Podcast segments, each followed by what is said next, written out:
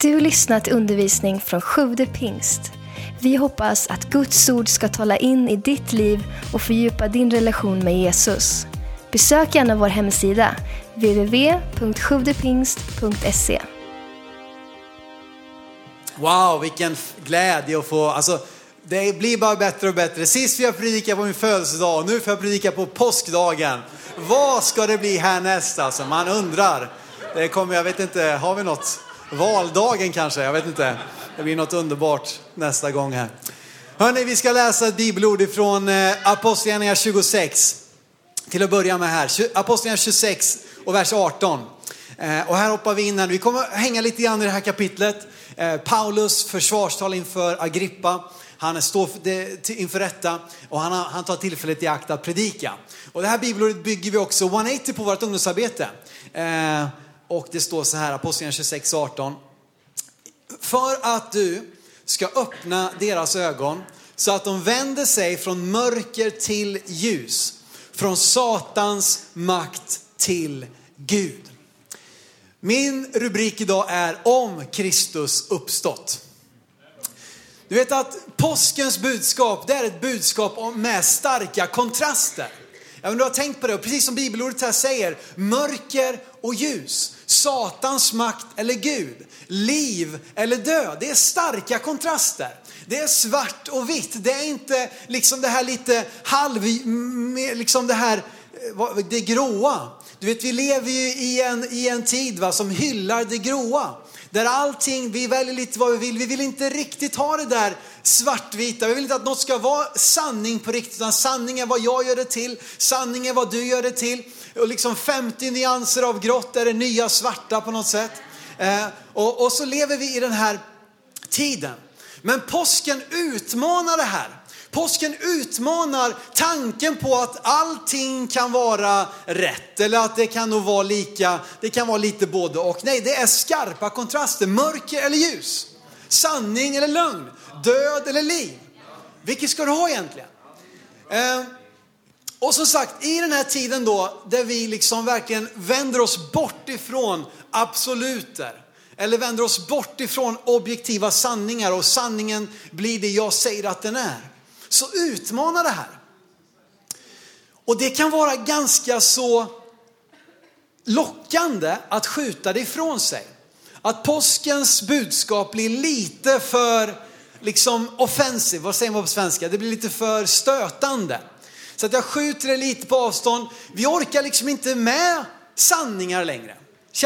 Ja, du kanske gör det, men det känns inte så. Vi skjuter det ifrån oss. Vi, vi, vi, vi väntar på det, vi tar det imorgon. Jag orkar inte med det. Kan, kan vi inte bara liksom chilla lite grann? Kan vi inte åka till Thailand istället? Och bara liksom ha det gött va? Det var någon som, som, som känns tilltalat här.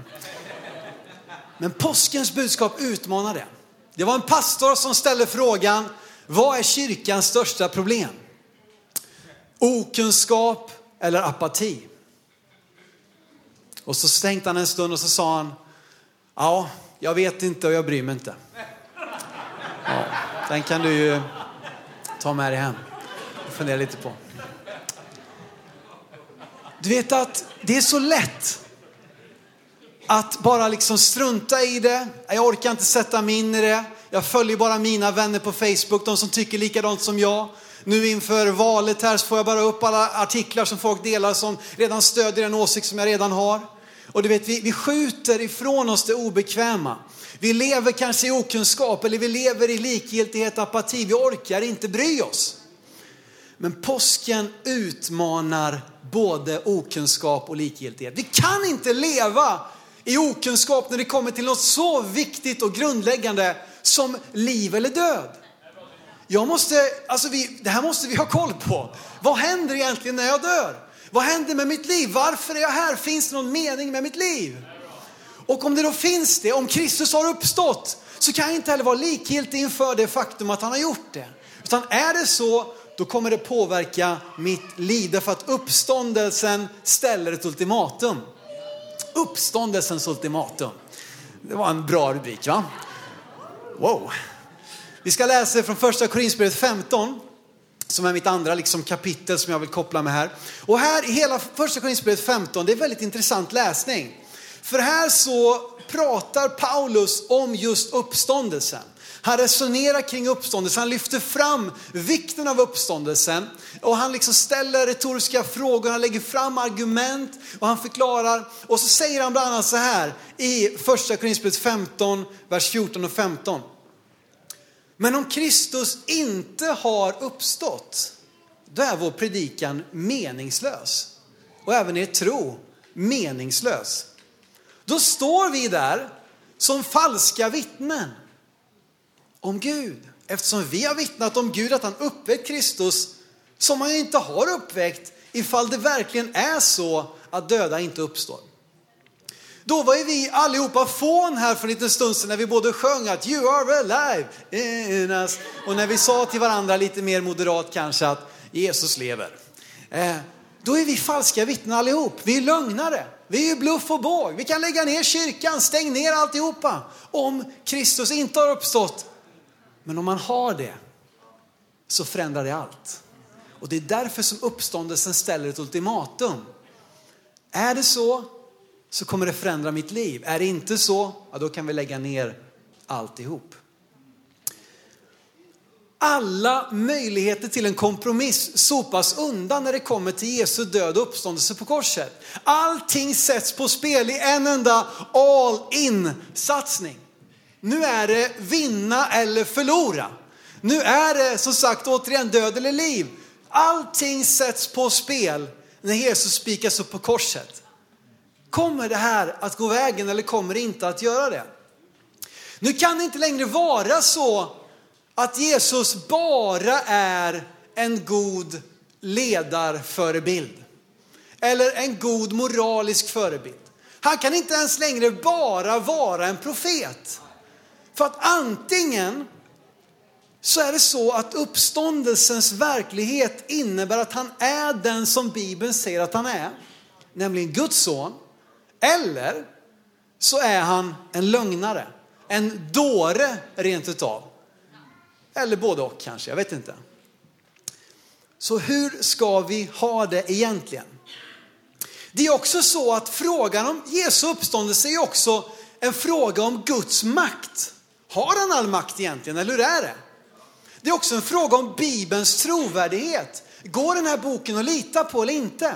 Är det så att nu bevisas det att Gud har all makt om han till och med kan ta en människa ut ur graven, ut ur synden, rycka den ur dödens käftar och föra tillbaka till liv igen.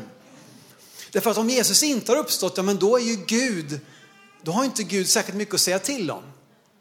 Då är inte Bibeln en trovärdig bok eftersom så mycket av Bibelns texter, profetior som är nedskrivna långt före det som vi bygger vår tro på, handlar ju om just det faktum att Jesus skulle dö, ge sitt liv, uppstå igen på tredje dagen. Och är det så nu att det här då ska bli det slutliga beviset på hans allmakt? Är det så att det ska bli det slutliga fullbordandet av de gamla testamentliga profetiorna? Är det så att det slutliga hindret mellan Gud och människa en gång för alla undanröjs?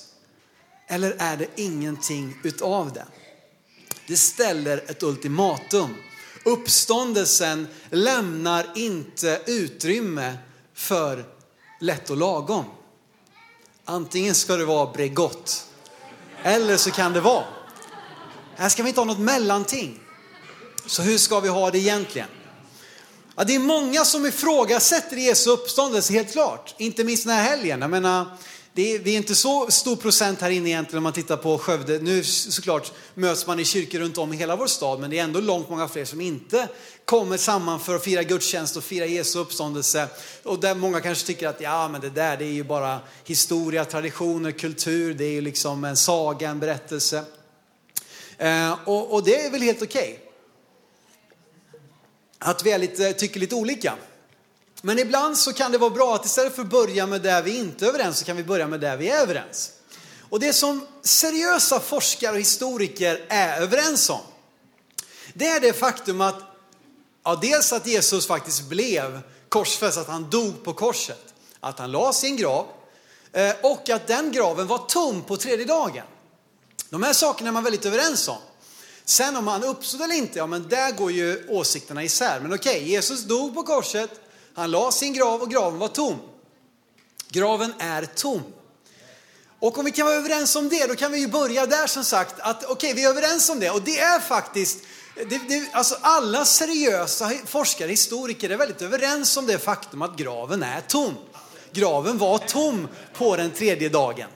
Eh, och, och, det kan man lyssna även på de som är starka liksom, kritiker till den kristna tron och läran. Det är liksom inget så som bara de som redan är, liksom, talar i tungor och profeterar varje torsdag och så vidare. Det är bara de som tror att graven är tom. Nej, det här är alla överens om. Som liksom har på ett seriöst sätt undersökt de här bevisen och källorna och så vidare.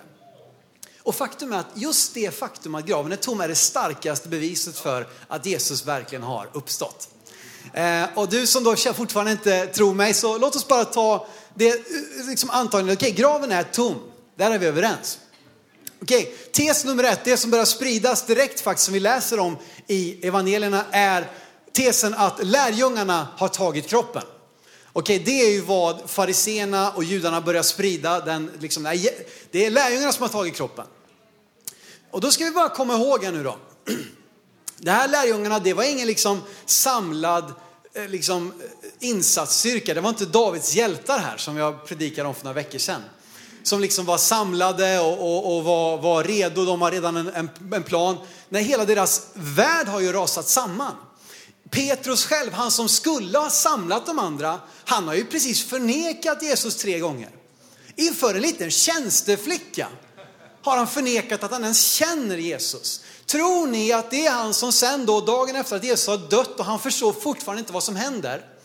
Tror ni att han då samlar krafterna, eh, liksom hämtar kökskniven och, och liksom fiskekroken eh, och så ger sig an, okej, okay, vet du vad, vi överrumplar romarvakt, romarnas vakter som är där eh, och vaktar graven och så tar vi Jesu kropp och så säger vi att han har uppstått. Nej, det verkar inte så troligt. De är skingrade, de har förnekat Jesus, det står en romersk elitsoldatstyrka eller vaktstyrka som var liksom tränade, utrustade soldater i vägen. För de har ju blivit ditställda just för att de inte vill att kroppen ska försvinna. Så det verkar inte vara så troligt. En till sak eh, det att det inte kan ha varit lärjungarna, men det ska jag återkomma till. Okej, så då har vakterna tagit kroppen då? Ja, men det, de skulle ju absolut lätt kunna göra det. Romerska vakterna, de står ju där och vaktar graven och de är ju starka grabbar liksom, så de kan ju rulla undan stenen, ta kroppen. Men varför skulle de göra det? Pilatus har ju dömt Jesus till korsfästelsen egentligen mot sin egen vilja. För att han inte vill reta upp judarna. Han vill inte ha något uppror i samband med påskhögtiden. Han försöker lugna skarorna och han går med på, okej, okay, vi korsfäster Jesus så håller de sig i alla fall lugna. Eh, och nu då att Jesu kropp är borta, det, det verkligen eldar ju på riskerna för upplopp, kaos. Eh, så att det känns väldigt osannolikt att romarna och dessutom då om vakterna skulle ha gaddat ihop sig mot Pilatus vilja så var det också förenat med dödsstraff att liksom misslyckas med sitt vaktuppdrag. Eller att somna på sin post. Eller att överge sitt vaktuppdrag. Så att det verkar inte som att de romarna skulle offra sitt liv för att ta vara på en död kropp. Det känns inte särskilt troligt. Ja men då är det ju fariseerna då, tänker du. Det är ju de, de judiska ledarna som har korsfäst Jesus. Ja men de om några vill ju se till att kroppen är i säkert förvar, att han håller sig död liksom så länge det bara går. Därför att det, hela deras rykte står ju på spel här. Och skulle då fariséerna ha tagit kroppen så skulle de ju dag ett när Petrus samlar ihop dem där, yes, Jesus lever. Då skulle de ju bara, tada, här är kroppen, han lever inte, han är död. Men det gjorde de inte. Och alltså kvarstår ett alternativ. Och det mest troliga, nämligen att Bibelns berättelse är sann. Ja, men kan det vara så enkelt? Ja, jag tror det. Jag tror att Bibeln beskriver det faktiska händelseförloppet. Och faktum är att man kan argumentera för att det är 97 procents sannolikhet att så är fallet. Okej okay, Simon, nu liksom, liksom, du har inga studielån och, och, och, vi har kollat, du har liksom inga, verkar inte, här, hur kan du säga att 97% sannolikhet att det här stämmer? Nej, det är inte jag som gör det. Det är en professor som heter Richard Swinburne. En mycket skärpt professor som för några år sedan kom med en häpnadsväckande teori som han då la fram. Han är liksom professor vid ett berömt eh, universitet i England, så det är liksom ingen, ingen sån här hemmabloggare som har suttit och knappat hemma liksom på sin Wordpress-blogg och så vidare. Utan här är en riktig professor som har liksom forskat och studerat och lagt fram då de här teserna. Jag kan inte ens, jag vet inte ens vad det heter det han har lagt fram, men en tes låter ju i alla fall bra. Eh, och han då med matematikens och logikens hjälp så har han kommit fram till att sannolikheten för att Jesus faktiskt har uppstått är 97 procent. Han säger så här, bland annat till tidningen, eh, i en tidningsintervju när han la fram det här då. Eh, så säger han att det brukar hävdas att de enda bevisen för uppståndelsen är vittnesmålen i de fyra evangelierna. Men de utgör bara 5 procent av bevisningen. Så att han då, det är inte bara så att det enbart finns där, utan han då har liksom kartlagt allt detta och säger att sannolikheten för att vi skulle ha alla dessa bevis, om det inte stämde en på tusen.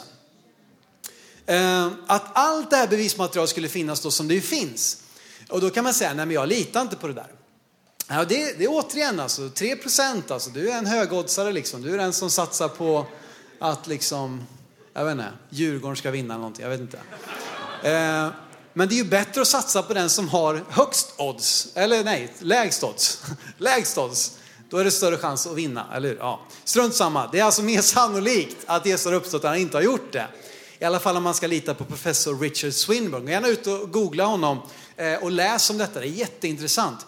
Hur han då med liksom forskning, så att man behöver inte lämna huvudet i liksom farstun när man kommer ute i foajén här. Nu lämnar du liksom ditt intellekt och så kommer du in här och blir hjärntvättad en gång i veckan. Nej, du kan behålla ditt intellekt och all det, all det gåvor du har, Gud har lagt ner i ditt hjärta. Du kan få liksom använda allt det här och ändå landa i att wow, det här stämmer. Jesus lever, det är den största sannolikheten. Att det faktiskt stämmer. Och jag blir uppmuntrad när jag, när jag hör det här. Och jag känner wow, det som är en enkel barnatro, det som är en enkel hjärtats tro, som är det enda som behövs för att få välkomna Jesus in i mitt hjärta, det håller också om det nu hamnar i liksom universitetens korridorer och så vidare. Mitt tredje starka argument, alltså den tomma graven. Han säger att det är 97% sannolikhet och mitt tredje starka argument det är Watergate. Watergate.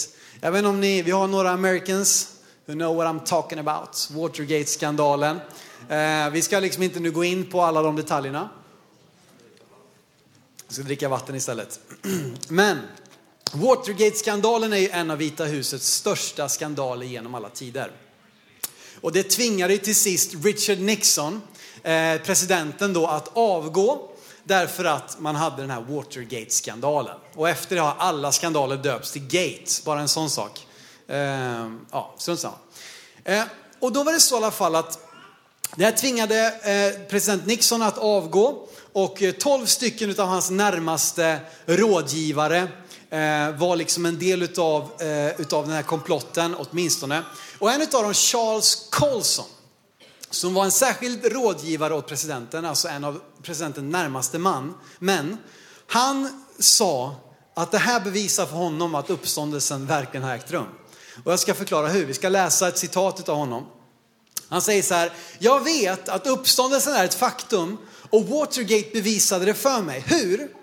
Därför att tolv män vittnade om att de hade sett Jesus uppstånden från de döda.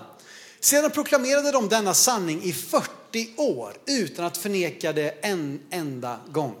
De blev alla slagna, torterade, stenade och satta i fängelse. Det hade de inte kunnat utstå om det inte var sant. Watergate drog med sig 12 av världens mäktigaste män och de kunde inte hålla en lögn i tre veckor. Och du säger mig att 12 apostlar kunde hålla en lögn i 40 år. Helt omöjligt. Så om du inte är nöjd liksom med, med graven är tom argumentet så i alla fall om du gillar liksom vårt, jag vet inte, lyssna på det här. Jag tycker det är intressant. För precis det som jag sa att det är inte troligt att lärjungarna har tagit kroppen Eh, dessutom just den här saken att de gav sina liv. Vad vi vet alla utom Johannes, eh, som ju satt i fängelse ända upp till sin död förmodligen på ön Patmos där han bland annat fick, eh, skrev ner Johannes uppenbarelse. Alla andra, de elva andra apostlarna gav sina liv. Och de hade bara behövt säga en mening. De hade behövt bara avsäga sig sin tro. De hade kunnat sagt, det var en lögn. Vi mötte aldrig Jesus efter den tredje dagen. Det var, det var inte sant. Och då hade de sluppit bli halshuggna, korsfästa upp och ner på, eller korsfästa på andra sätt och så vidare. Men de gjorde det inte. De höll fast vid den här, deras eh, liksom livskallelse och tron på Jesu uppståndelse, även när de var själva på en öde plats dit de hade gått för att dela evangeliet med så många de bara hade möjlighet till. Även där, ensamma, utlämnade, så höll de fast vid det. Det hade de inte kunnat göra, tror inte jag, om de inte hade varit 100% övertygade på om att det är sant. Därför att de hade själva mött Jesus, den uppståndne frälsaren. Men uppståndelsen ställer ett ultimatum. Och jag tror att vi, både utifrån liksom tro men också förnuft, kan landa i att det går att lita på uppståndelsen. Och vi läser vidare ifrån första Korinthierbrevet 15 och vers 20, där Paulus fortsätter. Han har precis några verser innan sagt om inte Kristus uppstått, då är vi alla lögnare, vi är falska vittnen. Men i vers 22 fortsätter han, men nu har Kristus verkligen uppstått från de döda. Som förstlingen av de insomnade. Eftersom döden kom genom en människa, kom också det dödas uppståndelse genom en människa.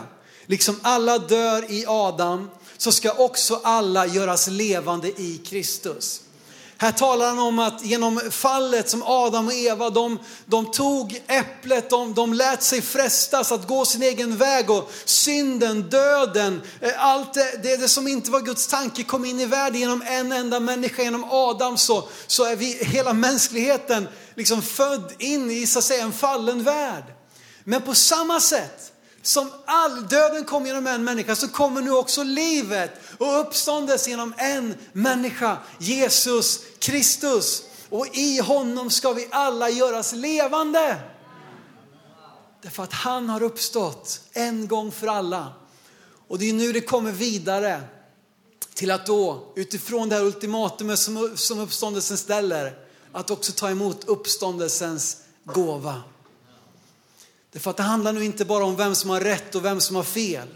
Det handlar inte bara om att liksom få vara en besserwisser, även om en del av oss har lite av de dragen kanske och gillar att ha rätt.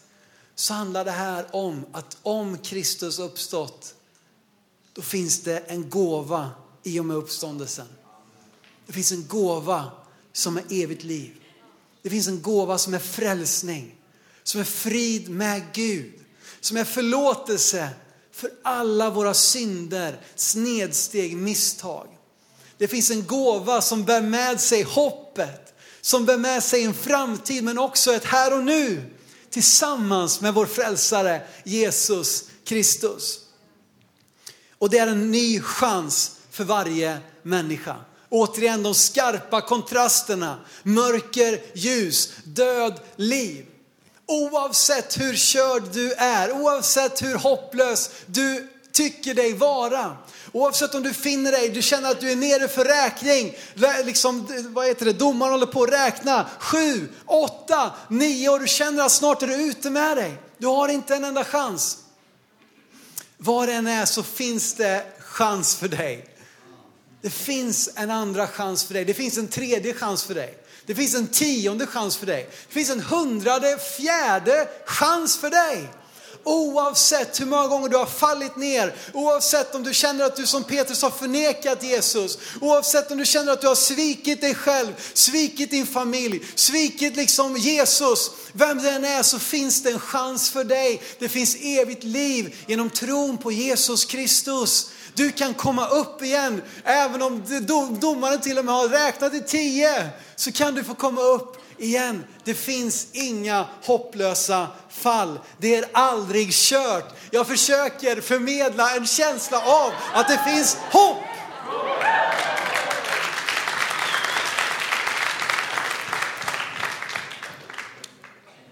Varför finns det hopp?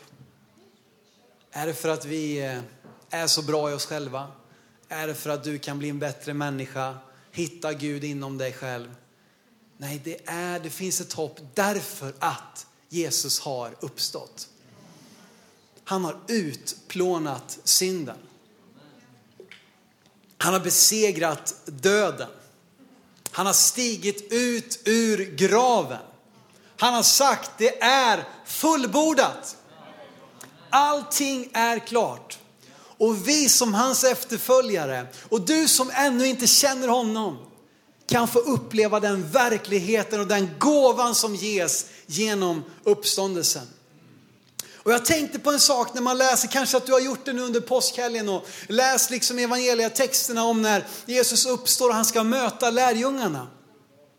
Har du tänkt på att när de möter honom så är han redan uppstånden?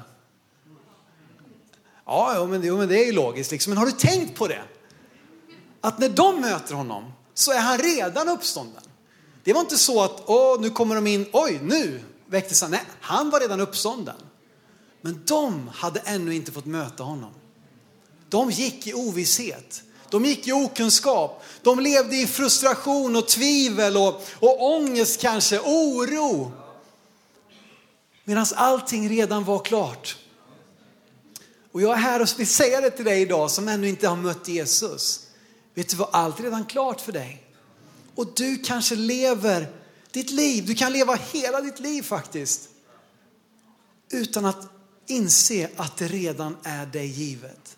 Att Jesus redan har betalat priset. Leva ditt liv i fruktan. Leva ditt liv i rädsla för vad andra människor ska tycka och tänka om dig. Leva ditt liv i meningslöshet, i hopplöshet. När själva verket Jesus redan har uppstått. För om man har gjort det, då finns det chans för dig. Vi ska läsa från Efesierbrevet 1, vers 18 till 20. Efesierbrevet 1, jag ska läsa från Nu-bibeln, den nya bibelöversättningen. För att det är någonting som jag vill bara fånga upp här i de här bibelverserna. Efesierbrevet 1, 18-20. Jag ber att era hjärtan ska upplysas så att ni inser vad det är för hopp han har kallat er till. Och vilka härliga rikedomar som han låter de heliga få ärva hur otroligt stark hans kraft är för oss som tror.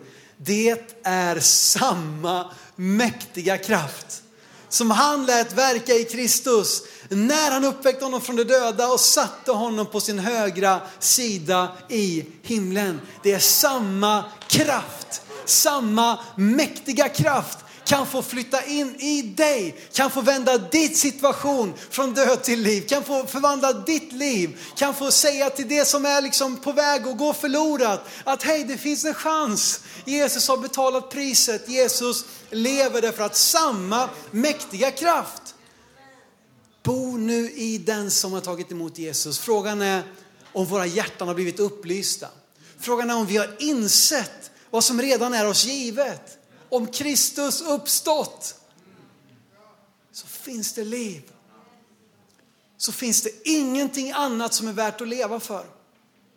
Då finns det ingenting som kan jämföras med att få lägga sitt liv i hans händer som har betalat priset för detsamma.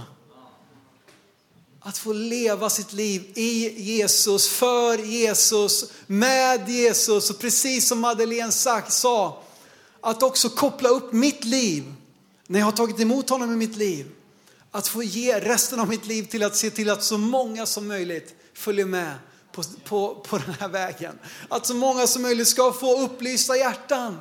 Att så många som möjligt ska få se i vår stad, i vår region. Vi behöver få se, vi behöver få upp ögonen. Därför att om Kristus uppstått, då gäller det varje människa.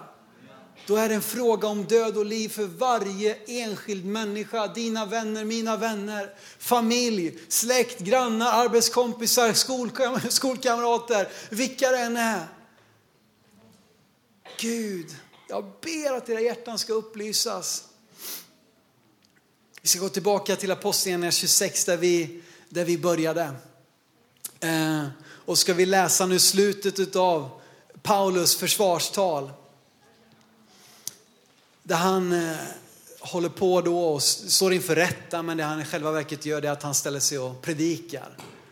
Och tar det här tillfället att, att bara få, få liksom predika för kung Agrippa. Och så slutar det här i Apostlagärningarna 26, 27-29 efter att de har vänt och vritt och, och, och liksom argumenterat och Paulus har gjort allt han kan för att övertyga. Så står det så här ifrån vers 27. Tror du på profeterna kung Agrippa? Jag vet att du tror. Tror du? Jag vet att du tror. Det var Sven, han frågade innan vi hade genomgång inför mötet här. Han frågade, är det någon som har frågan? Nej, det är bra, då går vi vidare. tror du? Jag vet att du tror. Agrippa svarade Paulus, snart övertalar du väl mig att bli kristen? Paulus svarade snart, eller längre fram. Inför Gud önskar jag att inte bara du, utan alla som hör mig idag blir som jag, bortsett från de här bojorna.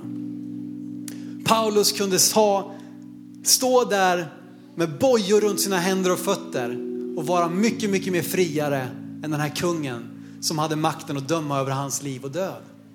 Därför att Paulus hade en annan typ av frihet.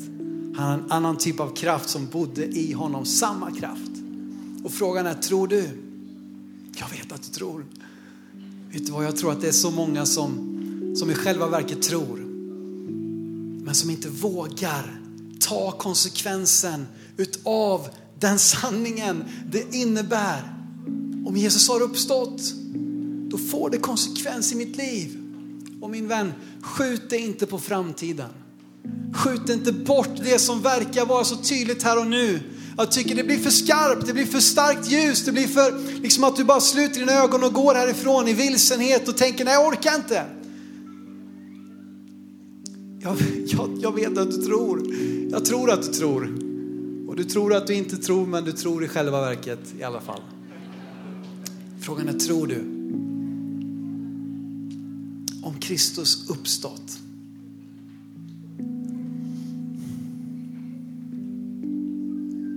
Agrippa han var intresserad, nyfiken och som det verkar när vi läser samtalet ganska påläst till och med. Paulus säger till honom, Agrippa du, du är mycket väl förtrogen med, med det som jag talar om. Han var påläst, han kunde ganska mycket. Men talet om korset är inte främst en fråga om kunskap, utan det är en fråga om ditt hjärta. Du kan veta allt. Du kan äga hela världen. Men vad hjälper det om du förlorar din själ? Vad hjälper det om det bara leder till en dag allting är slut och så var det ingenting mer? Jag hade inte planerat att göra detta men jag, vill faktiskt ta tillfället i akt just nu och bara bjuda in dig till frälsningen när vi ska fira nattvard. För att det här kan inte vänta, jag känner det. Jag tror att det finns människor inne som tror. Tack för att du lyssnat. Glöm inte att du alltid är välkommen till vår kyrka. Du hittar mer info på www.sjodepingst.se